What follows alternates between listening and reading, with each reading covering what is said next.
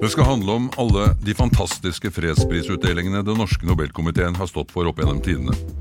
I 1993 fikk Sør-Afrikas president de Klerk-prisen for å slutte å drepe svarte. Vel og bra det, men at han andre fikk den, som hadde sittet inne i 27 år, det var det nok mange som reagerte på. I 1994 var det Midtøstens tur.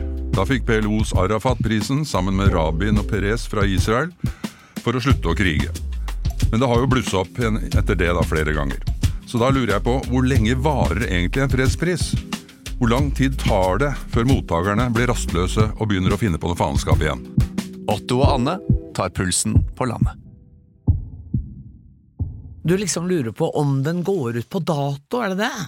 Ja, jeg tenker liksom at fredsprisen skal legge en dempe på aggresjonen til folk som i utgangspunktet er litt eh, småsinte. Ja. Det er jo derfor vi har invitert en som kan svare på disse tingene. Nettopp. Berit Reiss-Andersen, nylig avgått leder av eh, Nobelkomiteen. Du har vært medlem der siden 2012, og leder av komiteen siden 2017. Så dette må jo være midt oppi det du kan og vet noe om. Ja, skal jeg svare på dette? Ja takk! Hvor lenge varer en fredspris? Ja, Eh, den varer evig. Prisen varer evig. Eh, det er jo et viktig referansepunkt, siden prisen ble delt ut eh, første gang i 1901. Um, hvem som fikk fredsprisen. Men det var ikke det du spurte om, egentlig.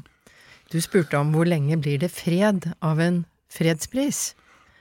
Eh, det kan ikke jeg svare på.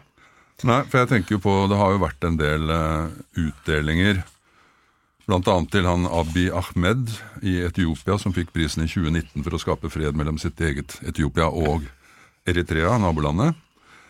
Uh, og så gikk det jo ikke mer enn et år før han gikk løs på befolkningen oppe i Tigray-provinsen og fordrev over en million mennesker og drepte tusenvis og utsletta landsbyer.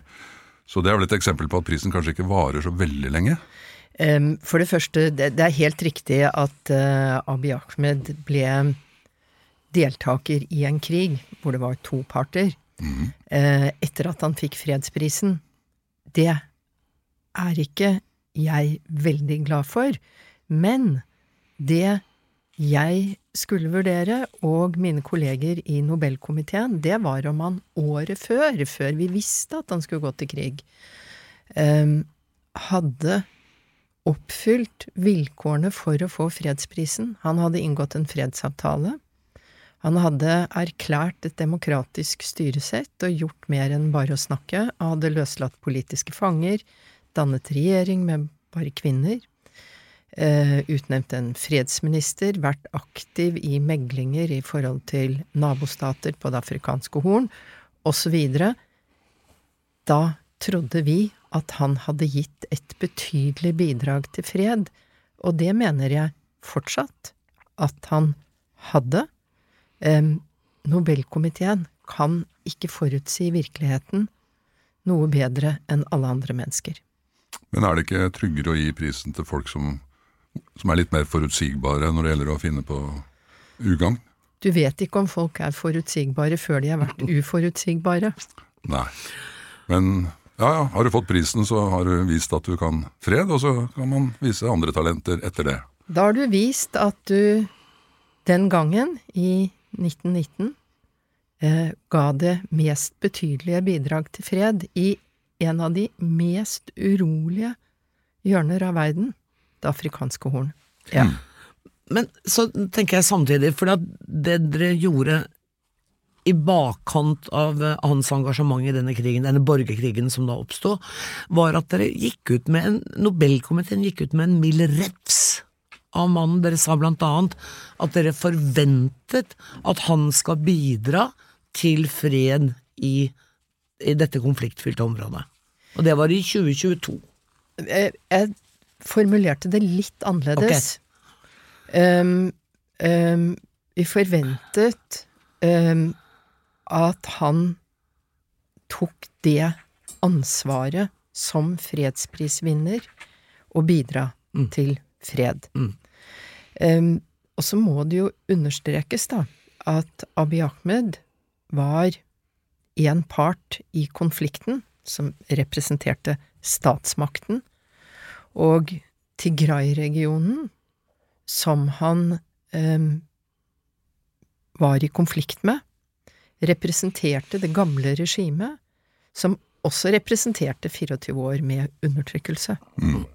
Det er viktig å få inn i bildet, men det er klart Nobelkomiteen håper alltid at fredsprisen sporer an til å bidra med fredelige løsninger.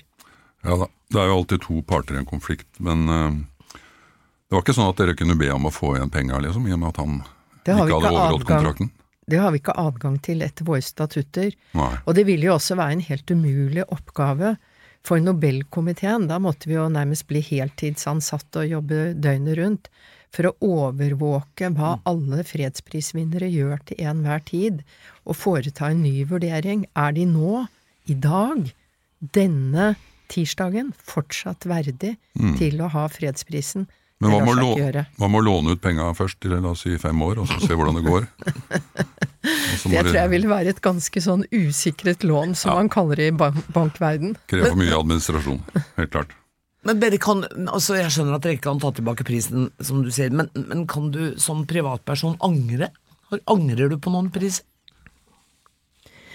Altså Når det gjelder Nobelkomiteens arbeid, så er jeg lederen av Så var jeg lederen av Nobelkomiteen. Men det er du heldigvis ikke lenger, så nå kan du snakke Nei, helt åpent. Så det jeg har gjort på vegne av Nobelkomiteen, eh, det er liksom komiteen. Og det er noe annet enn Berit Reiss-Andersen som sitter og snakker med dere på en tirsdag. Ja. Men du Det var vel et nei, det, Otto? Hun Det- vil ikke svare på om hun angrer på noen. hadde jo forventet å få noe inside eh, Men jeg vet ikke om eh, Nobelkomiteen har en sånn sjel at de egentlig har evnen til å angre. nei, Pluss at du får vel Du har kanskje munnkurv i 25 år. Altså, jeg har taushetsplikt om hva eh, vi har forhandlet i komiteen. Mm. Eh, ikke 25 år, i 50 år. Ja, oi sann. Så den siste delen av de årene kommer jeg helt sikkert til å overholde. Så lenge har ikke vi tid til å vente, i hvert fall. Men, men skal vi snakke om flere, for vi har jo festet oss ved noen interessante eh, prisutdelinger. Ja, altså jeg har jo f.eks. lagt merke til at uh, det er mange som sitter inne og har sittet inne, som har fått prisen. Det er ikke bare Mandela. Men uh, det er i hele tatt en god del fengselsfugler. Du har Aung San Suu Kyi i Burma, du har Lin Chaubo i Kina, og nå sist Marges Mohammadi i Iran. Er det et kriterium for å få prisen at folk sitter inne eller har sittet inne? Nei, det er ikke noe kriterium, men eh, dette er folk som sitter inne fordi de arbeider for fred. Det er en årsakssammenheng. En despot vil helst ikke ha kritikere gående rundt i gatene, slik at de eh, kan fortsette å kritisere dem. Men vurderer dere, når dere finner en kandidat som dere mener er verdig og som sitter i fengsel, vurderer dere da om den prisen kan gjøre situasjonen vanskeligere for det mennesket og dets omgivelser? Absolutt er det noe å tenke på, men utgangspunktet er at når du er en så viktig aktør i verden, at du vurderes for en Nobels fredspris, så har nok vedkommende selv tenkt nøye gjennom hvor mye han eller hun er villig til å ofre. I dag eh, fikk jeg beskjed om at Narges Mohammedi eh, har fått en ytterligere dom på jeg tror 15 måneders fengsel, eh, som forlenger en allerede lang straff. Eh, og det har helt sikkert sammenheng med fredsprisen, men det er et valg hun har tatt, og hun har jo også valgt å fortsette å kritisere og sende meldinger ut fra fengselet. En annen fengslet eh, nobelprisvinner, Ales Bialyatsky, har vi hørt veldig lite til siden han for to år siden eh, fikk var én av tre prisvinnere. Og så langt jeg vet, sitter han bokstavelig talt i et mørkt fangehull i kjelleren på et notorisk, i et notorisk fengsel i eh, Minsk. Ja, for det er jo en viss tradisjon eh, hos dere å dele ut til dissidenter i autoritære stater. Eh, nevnte jo i stad Liabo i Kina og Sietskij i Nazi-Tyskland i 30-årene. Og Sakharov i Sovjet. Eh, de får det jo nødvendigvis ikke noe særlig bedre av å få den prisen, men som sagt, du sier at de har valgt det sjøl. Ja, altså dette er jo mennesker Men bare for å mange av de vil kanskje ikke helt ha sett konsekvensene av det å si ja til den prisen, i det øyeblikket de aksepterer? Det øh, kan ikke jeg svare på, hva de har øh, forstått av konsekvenser, men jeg Alle de fredsprisvinnere jeg har møtt, som har akslet seg den rollen du beskriver der, de vet De er veldig klar over konsekvensene, og jeg har aldri hørt om eller snakket med en fredsprisvinner som sier 'jeg skulle ønske jeg ikke hadde fått prisen'. Alle fredsprisvinnere jeg har snakket med, forteller at det ga meg håp. Det ga bevegelsen en ny giv. Vi så lyset da fredsprisen kom, og at den har betydd uendelig mye for deres arbeid. Nå tror ikke jeg at fredsprisen alene for eksempel skapte fred eller forhindret en borgerkrig i for eksempel Sør-Afrika. Eh, men det kan være en spore for deltakerne, og fredsprisen setter en lyskaster på en problemstilling, en region, slik at det ikke er fullt så enkelt å fortsette å forfølge og undertrykke folk. Men så slukker jo de lampene ganske fort da, når pressens interesse går over, og da er det jo kanskje overlatt til seg selv på en litt annen måte enn når lampene sto på. Um, I løpet av de tre dagene vi feirer prisen i Oslo, så er det et veldig skarpt uh, lys, selvfølgelig. Men det er ikke riktig det du sier. Um, Desmond Tutu sa det veldig bra en gang. Før jeg fikk fredsprisen, så kunne jeg uh, si alt mulig smart uten at noen hørte på meg. Etterpå kan jeg si tullete ting, og alle hører på meg allikevel. Mm. Samtidig så tenker jeg at no, Man får noen ganger en følelse av at komiteen deler ut priser også for at det skal kaste litt lys på komiteen. Jeg mener, Barack Obama, Otto, fikk prisen under et år etter at han ble valgt som president, fordi han hadde en visjon om et atomvåpenfritt samfunn. Det er jo en visjon mange av oss deler, i og for seg. Ja, ikke jeg, men jeg nei, kjenner nei. mange som gjør det, i hvert fall. Ja. Men uh, Obama fikk jo prisen, som du sier, etter å ha sittet under et år som president. Og jeg tenker at det er litt sånn som at Karsten Warholm som løper 400 meter hekk, skal få gullmedaljen etter å ha hoppa over den aller første hekken. Det er sikkert mange som hadde reagert ganske kraftig på det, tror jeg.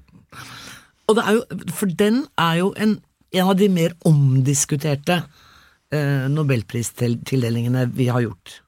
Og mest kritiserte, ja. så jeg tror ikke akkurat at uh, hvis det var motivet, hvilket jeg tviler på, så tror ikke jeg at det har kastet så gunstig lys over Nobelkomiteen å dele ut den prisen. Eller kanskje man feilvurderte? Eh, alt er mulig, men eh, slik jeg kjenner prosessene i komiteen, så tror jeg nok at um, du skal ta begrunnelsen som ble gitt på ordet, for det var to ledd i begrunnelsen. Det var um, for å bidra et betydelig bidrag til nedrustningsarbeid. Og ja, det var kortvarig, men det var et veldig viktig bidrag. Og så føyde de til Jeg satt ikke i komiteen da, men de føyde til um, at han representerte a new kind of diplomacy. Og hvis dere husker tilbake, så var det da Barack Obama var ny president, så var det en Obama-feber. Man hadde enorme forventninger til Obama, og de ble jo ikke svekket av dette nedrustningsinitiativet. Så jeg tenker det var begge deler. Mm. Og um, når kritikerne sier han fikk fredsprisen for å ha gjort ingenting, så syns jeg det er en urimelig kritikk. Mm. Ja, Hvis kriteriet var liksom å sitte ett år, for det finnes jo presidenter. Ja, Trump satt i fire år og har ikke fått prisen. Enda han Christian Tybing-Gjedde fra Frp har jo foreslått Trump flere ganger, faktisk. Ja, men det kan jeg verken bekrefte eller avkrefte, for jeg har ikke lov å si hvem eh, som har nominert, eller hvem som har vært nominert og ikke fått prisen. Og du kan heller ikke si hvor mange. Men det jeg kan si, er at man får ikke prisen for å ha sittet verken kort eller lenge som amerikansk president. Nei. Men du kan ikke svare på om Du kan ikke engang svare på hvor mange som blir nominert hvert år? jo, det kan vi svare på, for det blir offentliggjort uh, hvert år. Det er jo et tall jeg ikke går rundt og husker, men det er sånn uh, mellom 250 og litt over 300 personer de senere år. Men det er kun politikere rundt om i verden som kan eh, nominere kandidater, er det ikke det? Nei, det er langt flere. Eh, Det er blant annet tidligere medlemmer av Nobelkomiteen, og jeg er jo ingen politiker. Nei. Det er um, akademikere av eh, visse disipliner. Uh, selvfølgelig statsvitenskap, international relations, uh, juss. Så jeg kan, jeg kan, jeg, jeg Du kan, kan ikke foreslå. nominere, men du kan snakke med meg og komme med gode forslag. Nomineringsfristen går ut om 14 dager, Ja. um, så vi kan godt snakke om det etterpå. Har du hvis noen du forslag, Otto? Nei, altså Men jeg tenker liksom mer på formen at det er- sitter fem mennesker inne uh, på et rom uh, Et lukket rom. med Et lukket rom, ja, med døde maktmennesker som pynter opp veggene, og så skal dere alene avgjøre hvem som er snillest i verden akkurat nå. Er det ikke på tide med en fornyelse? Hva med å lære litt av MGP, for eksempel? At folket kommer inn i bildet her? Ja, det er bare det at um, vi har et mandat som kommer fra et testament. Alfred Nobel skrev i sitt testament um, de fem personene som sitter i Den norske Nobelkomité, skal hvert år dele ut en pris til den eller de som har gitt det mest betydningsfulle bidrag til fred i det foregående året, det forlupna året, som han skrev på svensk. Ja, Og da er det jo det vi må gjøre. Fordi eh, du kan ikke bare ta et testament, ikke sant? Altså hvis moren din eh, dør og testamenterer eh, boligen til noen helt andre enn sine barn, og det er et gyldig testament, så kan du ikke bare gå og gjøre om på det. Sånn er det nå en gang. Fyren har vært død i mange, mange mange år. Det må jo gå an å jenke litt på greiene uten at han snur seg i grava. Det går ikke an. Har han etterkommere som kan lage bråk? Nei, men um, det er en stiftelse som overvåker um, Alfred Nobels testament, at det håndteres i samsvar med testamentet. Og over den stiftelsen igjen, eh, det er en svensk stiftelse, så er det en eh, statlig institusjon, en tilsvarende vår statsforvalter, Lensstyrelsen, som overvåker at denne stiftelsen overholder sine bestemmelser. Dere er låst på armer og bein, rett og slett. Vi er låst, det kan ikke gjøres sånn på. Dessuten ville det være etisk uforsvarlig, vil jeg påstå. Men har du noen tips til hvem som kan få prisen i år, eller? Nei, jeg Har du noen favoritter sjøl? Uh, Jeg uh, vet ikke. Uh, jeg er der hvor jeg pleier å være eh, rundt februar. Jeg aner ikke hvem som skal få fredsprisen. Og jeg pleier å ikke ane det før langt utpå året, og jeg tror ikke det kommer til å bli noe annerledes om jeg står utenfor komiteen. Men nå når du står utenfor komiteen, så kan du helt fritt si hvem du syns burde få den? Ja, men det har jeg ikke Det vet jeg ikke. Ok, da må vi komme tilbake til det med en Vi må komme tilbake til det, jeg vet ikke. Men du, litt, litt med altså hele eh, samfunnet Otto, vi er opptatt av klimaendringer, økonomiske nedgangstider, krig. Og alle driver jo og, og nedskalerer festlighetene sine. Ikke sant? Det er en trend i tida, ja. ja. NHOs årskonferanse er jo ikke det det pleide å være. Nei. De Men- spiser gulrøtter og går i olabukser, de. Ja. Kanskje ikke helt det, men nei. Men, men altså, legg merke til eh, Nobelmiddagen, gallamiddagen. der sparer de ikke på noe. Jo, vi sparer faktisk en god del. Vi hadde ganske tøffe budsjettkutt. Men vi prøver Hva å gjøre dere kutta det Få høre. Nei, vi kutter i alt som vi kan. Eh, Blomsteroppsatser. Ja, ja, ja. Blomster, hotellutgifter, eh, eh, bilkostnader, alt mulig.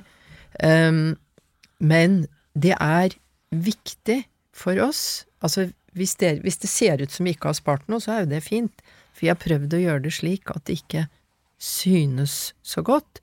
Fordi det er nettopp å gi den festen og alle tingene som skjer i løpet av Nobeldagene, er for å synliggjøre fredsprisvinnerne. Men må det være full galla? Ja, det må det. Ok. Kort sagt. Okay. Ja. Hva koster det å style en middels frue? Er det meg? Det kan være deg. Middels frue? Ja, det er dyrt. er Når hun er som meg, Kanskje de så pengene er det kunne vært brukt på noe annet. kjempedyrt. De Nei, det vært brukt på syns noe jeg ikke. Men du, en annen ting jeg har tenkt på, Berit. Eh, noen ganger så blir jo prisen splitta opp mellom en hel haug med folk. Ja, inntil tre. Ok, For det er grenser for mange som går inn på den der balkongen på Grand Hotel. Ja. Ja. Og det er tre. Ja. Balkongen er ikke større. Nei, man må bygge ut balkongen eventuelt hvis man skal være mer sjenerøs med millionene. Men, men når dere deler den på tre, som dere har gjort flere ganger, er det fordi ingen av dem er verdt en hel pris? Nei. Eller fordi dere er så jævla uenige innad i komiteen. Ja. Er, når vi deler på tre, eh, så er det fordi vi vil liksom ha frem flere aspekter ved prisen enn det én pris kan gi. Eh, fjorårets, nei, forfjorårets pris, um, som gikk nettopp til Ales Bialyatski, som jeg nevnte før, Memorial eh, i Russland og Center for Liv Civil Liberties, så var det jo under en skygge av en angrepskrig, og hvor det ikke var noen utsikter til fred i den regionen. Eh, og begrunnelsen for den prisen var jo å peke på men hva er alternativet? Og da svarte vi sivilsamfunn.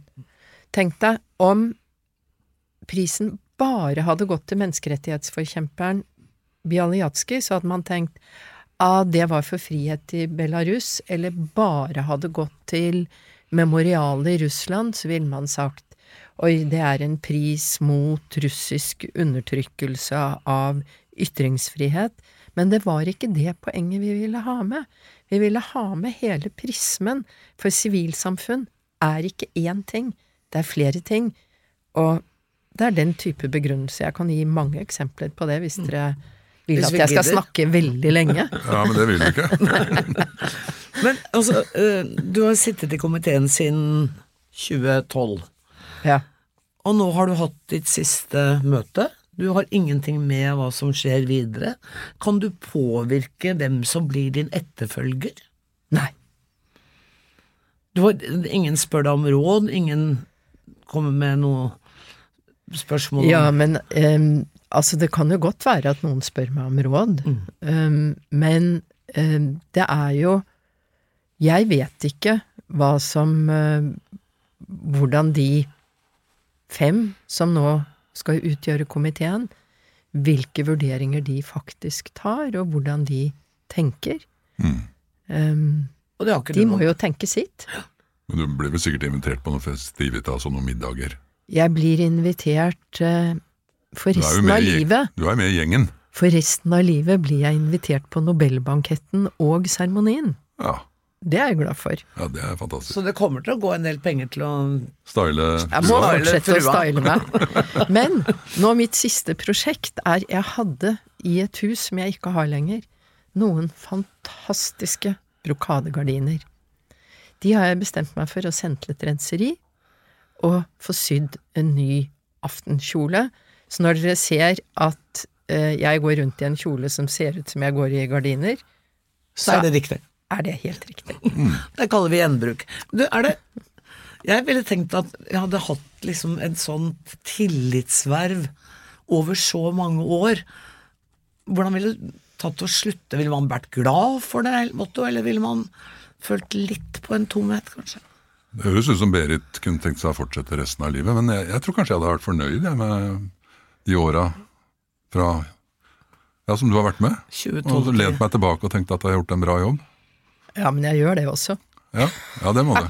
Må undre deg det. Nei da. Um, det er Det er utrolig mye jobb og oppmerksomhet som går inn i et sånt verv.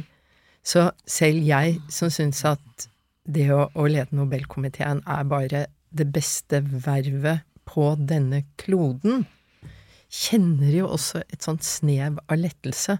Hvilket hav av tid jeg skal få nå. Og så gleder jeg meg sånn til neste til høsten. For da skal jeg gjøre sånne ting som alle andre gjør. Dra på en liten høstferie, begynne å forberede jul i desember. Um, og ikke tenke på hva jeg skal si under annonseringen, hva jeg skal ha på meg, hvordan skrive den talen som jeg skal holde for tre millioner mennesker. Slike ting Mm. er jo uh, kanskje en viss lettelse å få lov Men- å slippe. Var det en heltidsjobb, eller jobba du med andre ting ved siden av? Jeg jobbet uh, i mer enn en heltidsjobb som advokat ved siden av. Jøss. Men er det bra betalt, egentlig, den nobelprisjobben? Den dekker ikke mine klesutgifter, altså det du kaller stylingutgifter jo. for en eh, Så lenge du river ned gardinene dine for å sy deg ny kjole, så går det vel rundt, tenker jeg. Nei, det er ikke bra betalt. Hvis jeg, hadde, hvis jeg hadde hatt makt til å spørre deg om du kunne sitte seks år til, hadde du sagt Nå når jeg først har gått igjen Hadde du spurt meg i fjor, så hadde jeg sagt ja. Men når jeg først har gått gjennom prosessen og liksom øvd meg på å bli ferdig med det, så er jeg ikke helt sikker. Du hørte jeg nølte litt. Jeg hørte det. Skal vi si tusen takk? Det skal vi. Tusen takk for at du kom. Og så vet jeg ikke eh, Otto, er vi, er vi blitt mer positive til Nobelprisen for fred etter denne samtalen med Berit? Nei, ikke for min del, dessverre. Nei. Er du, helt, er du likegyldig til den? På sett og vis. Men uh, som komiker så har jeg jo en er nærmest litt ufrivillig evnen til å se noen av de komiske sidene ved i hvert fall enkelte utdelinger. da. Så, sånn sett, og Det var jo noe av grunnen til at jeg ville bli med på dette her òg. Så Berit Reiss-Andersen har til tross for sine mange år i komiteen og sin redegjørelse nå, ikke forandra ditt grunnsyn. Nei, men det var vel ikke tanken bak denne podkasten heller. Nei, jeg kunne vel håpet, kanskje. Det var jo det at vi vi var nysgjerrig på Berit og det hun hadde jobba med. Og jeg syns hun har sagt på en forbilledlig måte hvordan ting har vært, i den grad hun har lov å si det. Så da føler jeg meg egentlig fornøyd. Tusen takk for at du kom, Berit Reiss-Andersen. Tusen takk. Takk. Otto og Anne tar pulsen på landet.